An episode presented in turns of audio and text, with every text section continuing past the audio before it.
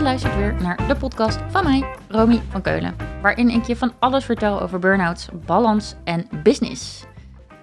Ik luisterde een tijdje geleden een podcast en ik ging echt helemaal aan. Ik, ah, ik dacht echt, ah, dit is precies wat ik bedoel en wat ik vind.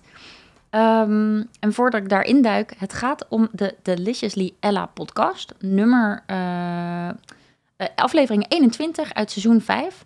En het is met Taal Ben Shahar. En hij heeft een studie naar geluk uitgevoerd. Net zoals dat er zeg maar een studie psychologie en zo is, is er nu e- eindelijk ook een Science of Happiness. Zo heet die podcast ook. Um, nou, en het gaat dus over geluk. Gelukkig zijn, voelen, whatever. En nou geloof ik niet dat je 100% van je tijd uh, gelukkig kan zijn en dat je dat moet nastreven. Helemaal niet. Maar het gaat uh, mij er wel om dat je zelf keuzes kan maken om bij te dragen aan dat gevoel van geluk voor jou. En ik vind die podcast echt fantastisch, want ik ben best wel feitelijk aangelegd, praktisch ingesteld, zeg maar. Maar ik ben ook best zweverig man. Ik leer steeds uh, bij op gebied van spiritualiteit. Uh, ik leef met de maan, you name it. Maar die gulden middenweg daartussen, tussen echt feitelijke dingen, wetenschap en ook een beetje dat nou, voor veel mensen zweverige, vind ik dus echt fantastisch. Nou goed, de beste man deed dus een studie naar geluk, uh, echt al 20 jaar. En daar identificeerde hij vijf bijdragers wereldwijd die bijdragen aan, of die kunnen bijdragen aan je gevoel van geluk. Dus maakt niet uit uh, waar je vandaan komt, uh, waar je woont, whatever. Voor iedereen is dit zo om en nabij hetzelfde. Nou, en leuk, want de eerste is spiritualiteit toppie, want dan komen die twee werelden weer samen voor mij. En je kan het heel complex maken, maar je kan het ook simpel zien. Het gevoel hebben dat wat je doet, ertoe doet. En dat je een beetje in het nu kan leven, zeg maar. Dat je niet constant het volgende moment aan het najagen bent. En je hoeft er dus niet uh, per se voor op je hoofd te gaan staan en allemaal ingewikkelde dingen te doen om hè, die spiritualiteit te, spiritualiteit te ontwikkelen. En voor mij is het bijvoorbeeld meer een paar keer per dag vertragen om daar echt een beetje ruimte voor te kunnen maken. En een beetje in te tunen op uh, ja, mezelf eigenlijk. Nou, goed. Twee, fysieke gezondheid. Uh, kan je ook best wel simpel benoemen, denk ik. Voldoende bewegen, goed eten en slapen. Dat zijn toch wel de bouwstenen voor je fysieke gezondheid, dacht ik zo. Drie, uh, intellectuele gezondheid. Daar hebben we als mens echt behoefte aan, man. We zijn gemaakt om complexe problemen op te lossen. We zijn nieuwsgierig en leergierig. En op het moment dat je dat loslaat, kom je misschien wel een beetje in een sleur terecht. Dus reikt uh, jouw nieuwsgierigheid in een bepaald onderwerp, bijvoorbeeld op je werk, maar tot zover, dan ben je misschien ook wel voor jouw doen uitgeleerd. Uh, maar dat is zonde. Zo ging dat bij mij uh, bijvoorbeeld ook. Op het moment dat mijn werk echt begon te voelen als een trucje, was ik voor mij op dat specifieke gebied uitgeleerd. Mijn nieuwsgierigheid reikte gewoon niet echt verder op dat gebied. Um, dus ik stopte eigenlijk een beetje met mezelf uitdagen. Dus die intellectuele gezondheid. Vragen blijven stellen, leren, ontwikkelen, vinden we echt belangrijk. Um, de vierde, relaties. En dat hoeft echt niet per se met een directe partner te zijn. Dit kan ook met je vrienden, familie, collega's. Zolang het maar gezonde relaties zijn. Nou, wat is dan gezond? Uh, ik bedoel, relaties waar je in evenwicht echt gewoon je shit met elkaar kan delen, maar ook uh, leuke dingen met elkaar deelt. Vijf, emotionele gezondheid. En dat is aan de ene kant dealen met je negatieve emoties. Dus kan je die constateren, kan je daar oké mee zijn, jezelf een beetje de ruimte geven en het daarna weer overpakken van die emotie, uh, zodat je er niet te lang door laat leiden. En het gaat natuurlijk ook over de leuke dingen. Dat je plezier maakt, dat je echt ruimte maakt voor positieve dingen in je leven. En dat je de, bijvoorbeeld dankbaarheid oefent en uh, ja, liefde geeft. En dan de downside. Want ik denk dat dit best wel logische dingen zijn. Het is niet echt rocket science. Um, maar toch zijn we er vaak in de combinatie van die vijf niet altijd heel bewust mee bezig. En hoe komt dat? Uh, nou, de beste man die heeft drie hele specifieke afleiders uh, ondervonden.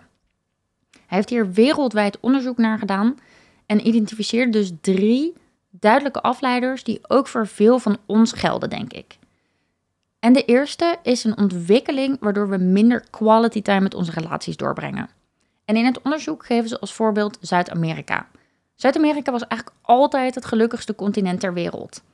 Um, uit allerlei onderzoeken bleek dat steeds weer. Maar het verschil zit hem nu niet meer in de jongere generaties. Wat bedoel ik daarmee? de jongere generaties in Zuid-Amerika zijn nu eigenlijk uh, een beetje op hetzelfde niveau qua geluk als de rest van de wereld. Niet meer per se gelukkiger dus. Dat betekent dat het verschil hem dus in de oudere generaties zit. En dat komt omdat de oudere generaties bewust constant de ruimte en tijd maakt voor die gezonde relaties. En dat die jongere generaties minder tijd misschien wel doorbrengen met vrienden en familie. Sinds de komst van, ja, en daar komt die, jammer de bammer, social media. En echt, it makes 100% sense to me. Begrijp me niet verkeerd, ik heb helemaal niks tegen technologie. Ik heb Business Information Management gestudeerd. En daarbij ben je constant een linkje tussen wat er mogelijk is binnen technologie en de eindgebruiker. En dat je dan denkt, oh, wat is er allemaal mogelijk? Wat kan er ontwikkeld worden? Waar kan je zeg maar echt de eindgebruiker mee dienen? En eerlijk, zonder social media zou ik misschien helemaal niet met Jason zijn nu. We leerden elkaar kennen in Kroatië, voegden elkaar toe op social media en we stuurden af en toe wat berichten heen en weer. En daarna gingen we volop videobellen. Waardoor ik me dus uiteindelijk zeker genoeg voelde om een ticket naar Canada te boeken. Was dat ook zo geweest zonder social media? Als we brieven hadden moeten sturen waar steeds twee weken vertraging of zo tussen zat, nou, dat weet ik niet. Dus ik ben die social media wel echt super dankbaar. Maar de keerzijde daarvan was. Ik neem even een slokje water.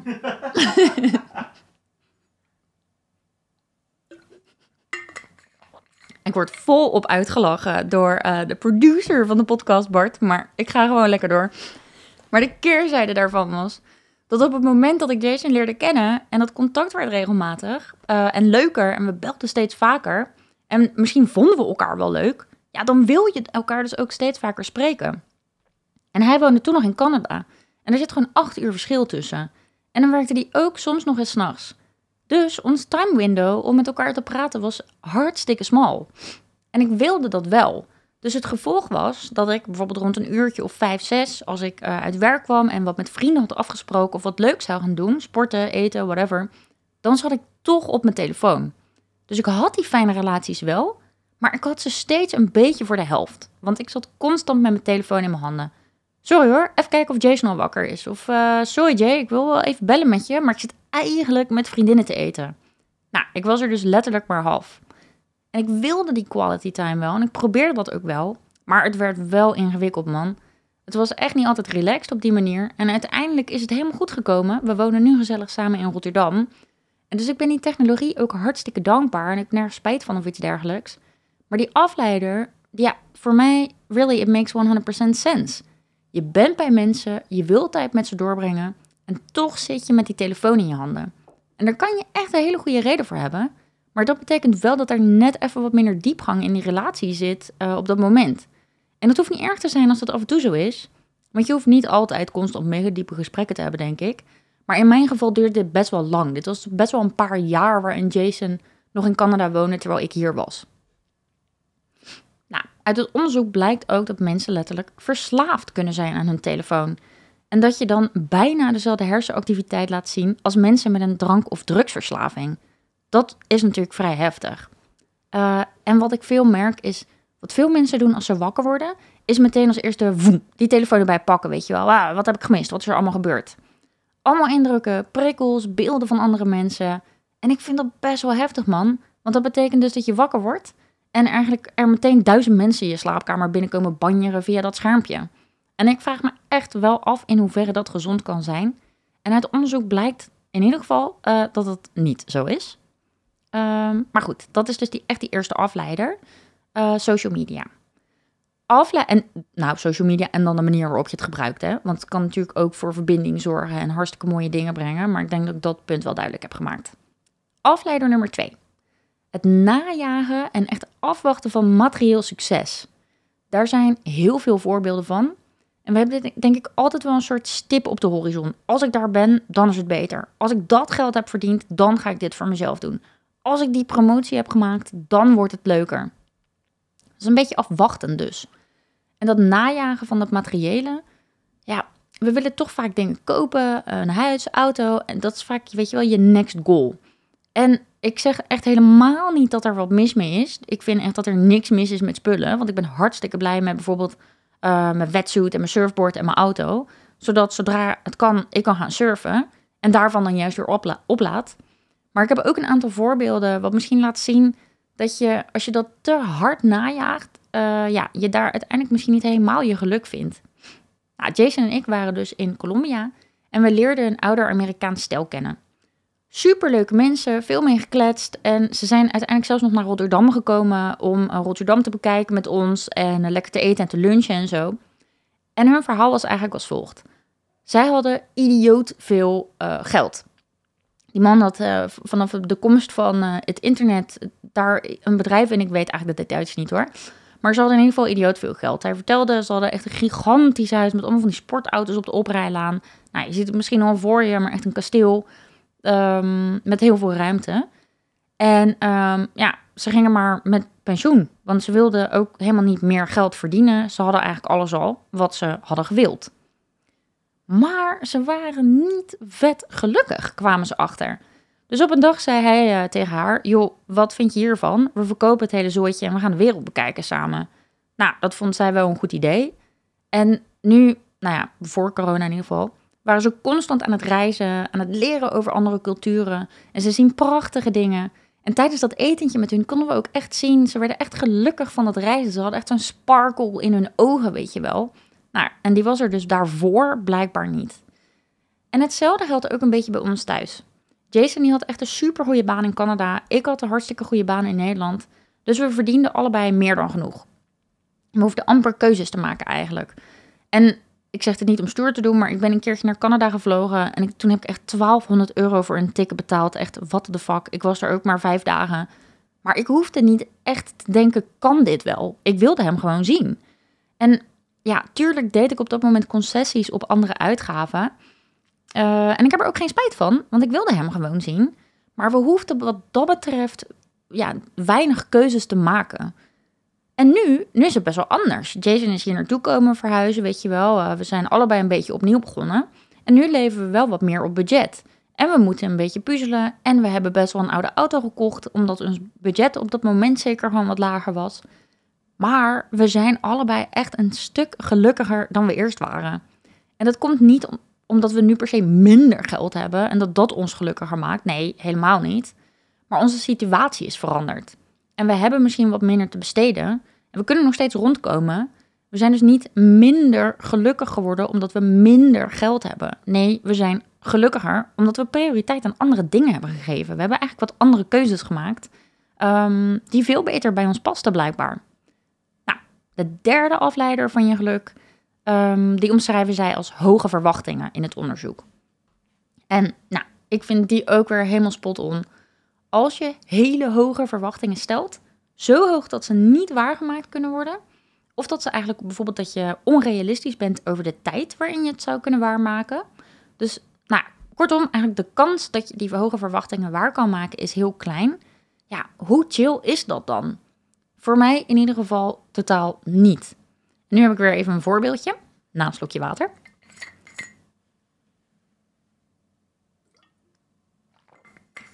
En ik merk, dit voorbeeld gaat ook weer over Jason. Uh, nou, dat komt iedere keer weer een beetje terug.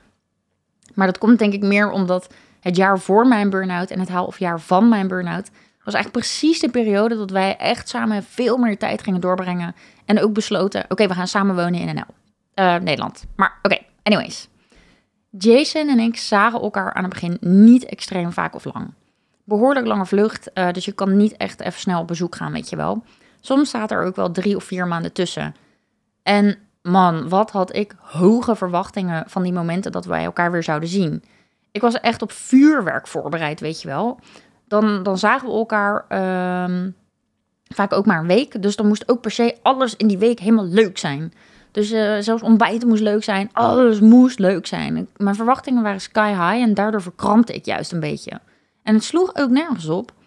Want als een van ons twee na zo'n lange vlucht het vliegtuig uit komt rollen, ja, waar, waar heb je dan zin in? Weet je wel? Heb je dan echt zin om meteen 24-7 alleen maar leuke dingen te doen? Nee man, je hebt ook gewoon even tijd nodig. En juist ook een beetje relaxed aandoen. En ja, gewoon. En ja, misschien is een van ons twee ook af en toe een beetje cranky op zo'n moment. En nou, ik trok dat gewoon niet zo lekker dus, want die verwachtingen waren dus heel erg hoog. En hetzelfde geldt eigenlijk voor onze reis naar Colombia en Ecuador. Ik dacht, oké, nu gaan we elkaar eindelijk drie maanden lang zien en iedere dag wordt sowieso fantastisch. Maar ik deelde toen ook al met mijn burn-out klachten. Dus dat strookte totaal in tegen mijn idee van iedere dag wordt leuk. Dus ik raakte vet gefrustreerd. En ik kan je eerlijk vertellen, we hebben uh, best veel ruzie gemaakt daar. En dat was omdat ik soms zo gefrustreerd was, omdat zeg maar de gap tussen mijn verwachtingen en onze realiteit soms zo groot was in mijn hoofd, dat ik niet wist wat ik kon doen om dat nog aan elkaar te breien. En nu snap ik prima dat ik destijds onrealistische verwachtingen had. Dus hebben we hier gelukkig nu helemaal geen last van. Um, maar op die manier spelen verwachtingen natuurlijk wel een grote rol. En hebben ze echt impact op je realiteit. Nou, dat zijn dus die drie afleiders. En ik benoem allemaal voorbeelden. En voor mijn burn-out besefte ik me um, dat ja, die vijf bijdragers van geluk eigenlijk bij mij helemaal in disbalans waren. Dus spirituele gezondheid, fysiek, intellectueel, relaties en emotionele gezondheid. Ja, ik leefde amper in het moment, was veel aan het afwachten op het volgende moment. Uh, ook veel aan het afwachten op uh, wanneer ik Jason bijvoorbeeld weer zou kunnen zien of ja, whatever. Fysiek ging niet helemaal top. Ik sliep best wel slecht ook. Um, intellectueel, uh, nou best wel slecht, soms sliep ik helemaal niet, maar oké. Intellectueel ging mijn nieuwsgierigheid niet ja, heel veel verder dan de dingen, uh, in de dingen waar ik mee bezig was op dat moment. Best wel zonde gewoon. Nou, relaties heb ik al gezegd, hè, dus ik zat veel met mijn telefoon als ik bij vrienden was. Uh, belde ook maar half met Jason, omdat ik dus bij vrienden was. Ja, en emotioneel dealen met mijn emoties. Ik dacht echt, waar heb je het over als iemand dat zei? Ik had dus best wel uh, ja, steeds meer eigenlijk negatieve emoties. Maar ik dacht, ik mag niet klagen. Dus ik duwde ze weg. Um, en ik vond het ook best wel lastig om dankbaar te zijn voor wat ik wel had. Ja, omdat ik dat ook gewoon nooit echt had geoefend. Uh, en omdat ik soms ook echt wel keek naar wat ik niet had. Dus achteraf gezien kan ik best wel zeggen, ja, niet heel gek dat ik hè, met ook alle stress en deadlines en dergelijke, wat ik op die manier ervaarde, is niet heel gek dat ik uiteindelijk in die burn-out belandde. Ja, die bijdragers van geluk, die waren eigenlijk best wel in disbalans. En um, nou, zeker wat ik net ook zei, als je constant onder een hoog stresslevel staat, ja, dan gaat het fysiek sowieso uh, niet goed met je. Kijk, je ziet niks, want je hebt geen gebroken been of zo. Maar je organen en alles maakt overuren. En, en ja, daardoor komen er allerlei andere klachten op. En fysiek heeft dat dus echt wel uh, dikke vette impact op je. Anyways, genoeg over burn-out, want het gaat hier over de science of happiness. En ik wil eigenlijk met deze podcast alleen maar aangeven dat het niet gek is als je je laat afleiden. Ik wil echt niet zeggen, oh, nu focus ik me 100% op die uh, vijf um, bijdragers van geluk en laat ik me nooit meer afleiden. Nee, helemaal niet. Ik denk dat het best wel logisch en normaal is. Social media is psychologisch gezien ook gewoon zo ingericht dat jij daar zo lang mogelijk blijft hangen, zeg maar. Een beetje hetzelfde als een casino.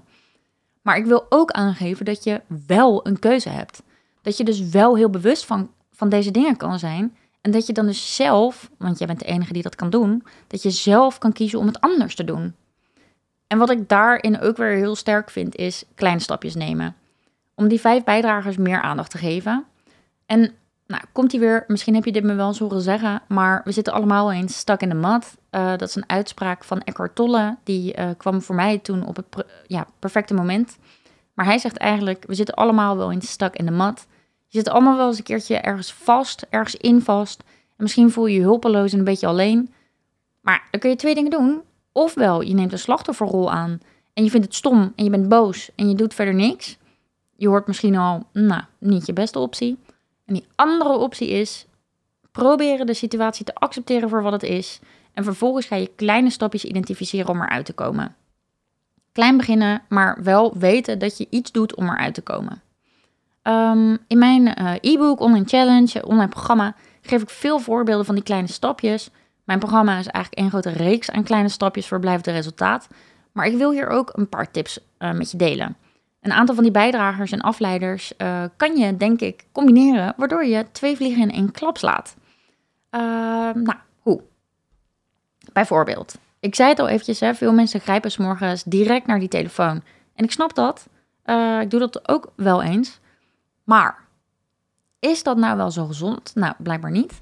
Um, kan je bijvoorbeeld s'morgens eerst even een paar minuten focussen op ofwel specifiek een momentje voor jezelf, heel even zeg maar in het nu zijn. Nou, daarmee stimuleer je dus een beetje die, die, die spirituele gezondheid. Ofwel kan je misschien iets van een boekje lezen of zo, of eh, met een nieuw onderwerp. Dan stimuleer je dus die intellectuele gezondheid. Of kan je misschien toch een paar minuutjes bewegen, fysieke gezondheid. Ehm, dus kan je s'morgens iets doen wat je echt leuk vindt op een van die bijdragers van geluk, in plaats van direct naar je telefoon te grijpen. Nou, en niks is fout, hè? Je moet het echt lekker allemaal zelf weten. Dit is gewoon een manier die voor mij werkt, waardoor ik eigenlijk twee vliegen in één klap kan staan. Slaan. Ehm, om dus eigenlijk net even wat meer aandacht te geven aan die bijdragers van geluk. En toch wat minder te focussen op die afleiders. Uh, wat je bijvoorbeeld ook kan doen. En, en deze is ook weer niet voor iedereen, hè, maar dit is iets wat, wat voor mij werkt. We willen. Uh, kijk, die sense of purpose die is belangrijk. Um, en dat najagen van materieel succes, dat is dus eigenlijk een beetje ook een afleider. Dus misschien kan je dat ook combineren. En kan je misschien een keer wat geld doneren aan iets of whatever of een goed doel. Dan heb je, nou, twee, dan heb je een, een, een, um, een bijdrage van geluk en een uh, afleider meteen getackled. En om, ik weet nogmaals, dit werkt misschien niet voor iedereen. Uh, dus voel je helemaal niet gedwongen omdat ik dit zeg dat je dit opeens moet doen. Helemaal niet. Ik geef alleen maar een suggestie van iets wat voor mij werkt. Maar om, om, mij, om mezelf bewust te blijven van dat najagen versus hè, iets doen wat, wat uh, purpose heeft, geef ik dus af en toe gewoon geld weg aan goede doelen wanneer dat kan. En ik snap ook dat dat niet altijd kan. Maar misschien kan je een keertje beginnen met een euro. Uh, er zijn echt best wel goede doelen waar zelfs die ene euro op een goede manier terechtkomt. Nou, is maar een tip, hè? Echt, uh, je moet het helemaal lekker zelf weten. Um, en de laatste tip die ik zelf vaak toepas en die voor mij echt goed werkt, is toch een paar keer per dag even bewust zijn van uh, de dingen om me heen. Ik noem het zelf altijd vertragen en daar heb je een aantal tools voor om echt dat vertragen te doen. Um, maar dat je heel even die sneltrein zeg maar uitkomt en echt even een momentje pakt. Wat je in het moment doet, nou, dat zal me echt uh, een worst wezen. Maar dat je toch dat moment bewust voor jezelf pakt. Misschien adem je een paar keer goed in en uit. Ben je je daar gewoon even bewust van. Misschien ben je gewoon even bewust van de dingen om je heen. Uh, misschien noem je even drie dingen op waar je dankbaar voor bent. En daarna stap je pas weer zeg maar terug in die trein. In plaats van dat je in die sneltrein belandt en die, die steeds maar sneller en sneller gaat en je weet eigenlijk niet meer hoe je hem kan stoppen. Nogmaals, je moet het allemaal lekker zelf weten, maar dit zijn drie dingen die voor mij werken. Um, goed, ik heb ze besproken. Vijf bijdragers, drie afleiders en voor mij drie dingen die werken om dus die twee vliegen in één klap te slaan. Ik hoop dat je er wat aan, hebt gehad op deze manier. Enorm bedankt voor het luisteren. Bart, weer bedankt voor het produceren en ook het uitlachen deze keer toch weer een nieuw, uh, nieuw tintje aan de podcast. Leuk dat je hebt geluisterd. Als je hier wat aan hebt gehad, dan zou het awesome zijn als je dat wil aangeven in de review-sectie. Dan kunnen andere mensen deze podcast wat makkelijker vinden. En als je meer informatie wil, dan kun je altijd naar mijn website www.burnoutbadass.nl of mijn Instagram @burnoutbadass. Daar vind je allerlei informatie op wekelijkse basis. Maar bekijk ook zeker even de highlights die relevant voor je zijn. Tot de volgende!